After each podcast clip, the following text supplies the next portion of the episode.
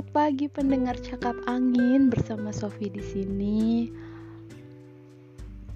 Selama beberapa menit ke depan, Sofi akan menemani di segmen bercakap dengan bidan. Di hari Minggu yang sendu ini, yang mendung ini, udah hujan sih. Cuacanya lagi mendung, lagi hujan, tapi please hati jangan sampai ikut mendung. Karena kalau udah mendung, bikin makin bingung. Oke, banyak basa-basinya. Bercakap dengan bidan kali ini mau ngebahas tentang mau lahiran di rumah atau di rumah sakit ya. Pilih yang mana ayo. Nah, sebenarnya ya pinter-pinter kalian aja memberdayakan diri.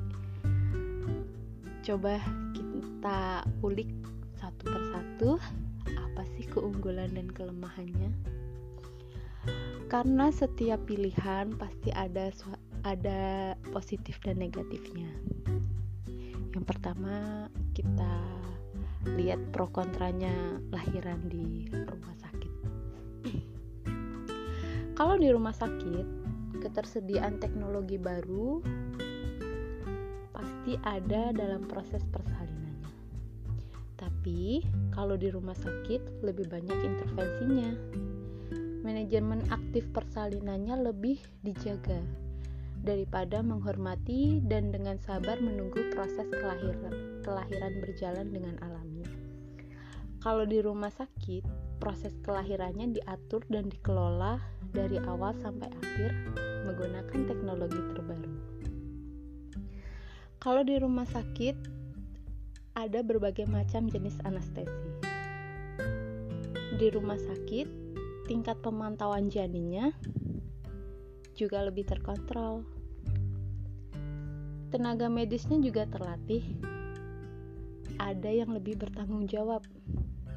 Banyak bidan, dokter, dan rumah sakit. Kalau di rumah sakit, kelahirannya bisa terklaim asuransi tapi kalau di rumah sakit ada keterbatasan untuk makan minum serta perubahan posisi yang nyaman dan berada dalam kontrol providernya. Kalau di rumah sakit, mengurus akte lahir, surat keterangan lahir, hingga BPJS biasanya bisa diatur. Kalau di rumah sakit biasanya menghasilkan suasana yang lebih cemas sehingga bisa mengganggu proses persalinannya.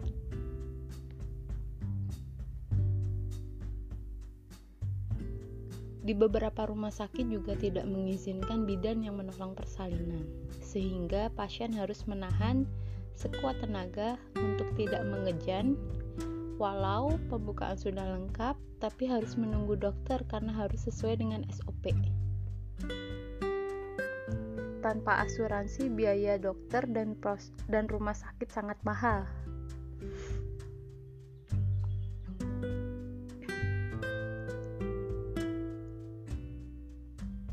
biasanya kalau di rumah sakit profesional medis jarang percaya evaluasi sendiri. Jadi mengandalkan teknologi untuk membantu membuat keputusan. Di rumah sakit lingkungannya steril, dingin, tidak menarik. Terus beberapa pasien, beberapa ibu yang melahirkan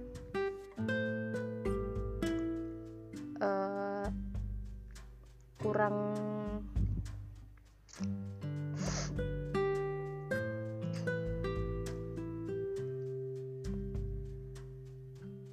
terus pengalaman dalam proses persalinan bukanlah yang prioritas.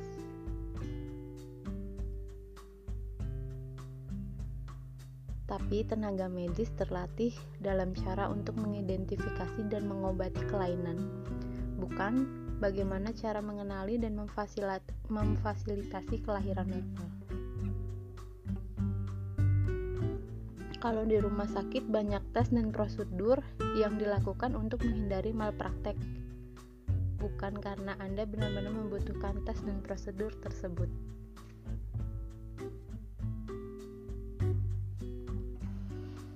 Kalau di rumah sakit, anak-anak gak boleh mendampingi mamahnya untuk bersalin.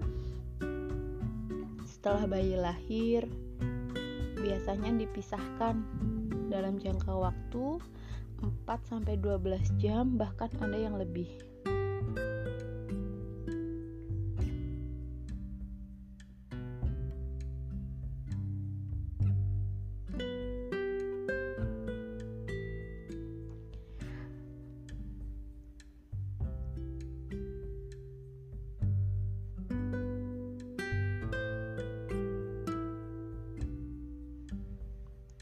Di beberapa rumah sakit, setelah bayi lahir, yang diberikan ke bayi adalah air gula atau formula daripada harus meminta orang tuanya agar bayinya diberikan ASI saja.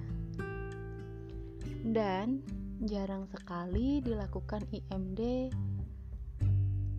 atau inisiasi menyusui dini sebagai kontak pertama saat bayi telah lahir. Kemudian kalau lahiran di rumah ada positif negatifnya juga. Kalau lahiran di rumah lebih banyak pilihan dalam asuhan persalinan dengan bidan dan dokter. Tidak semua perusahaan asuransi membayar biaya melahirkan di rumah. Pengalaman melahirkan menjadi spiritualitas dan prioritas. Tapi untuk pembuatan akte BPJS itu tanggung jawab orang tua. Meskipun ada beberapa bidan yang melakukannya. Kalau di melahirkan di rumah atau di rumah bidan, tindakan episiotomi dan operasi lebih sedikit karena menghormati proses alami tubuh dalam persalinan.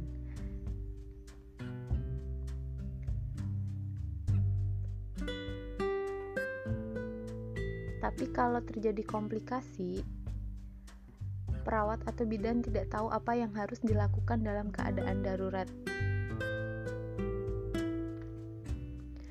Penapisan dan persiapan bisa dilakukan di awal saat ANC sehingga proses persalinan jarang terjadi komplikasi. Tapi dalam keadaan darurat, mungkin ada keterlambatan dalam menerima perawatan rumah sakit.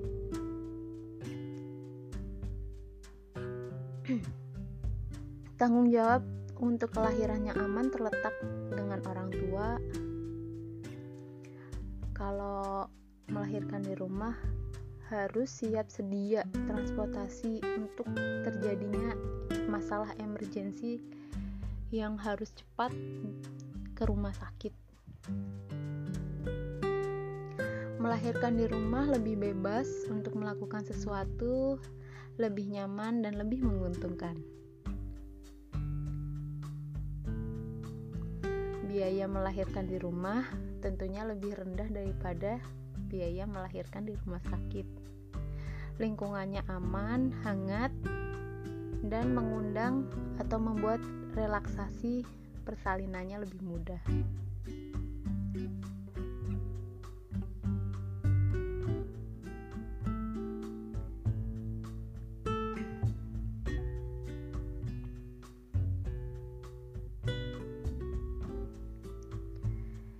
Bisa makan, minum, dan bergerak bebas sesuai dengan posisi nyaman pilihannya.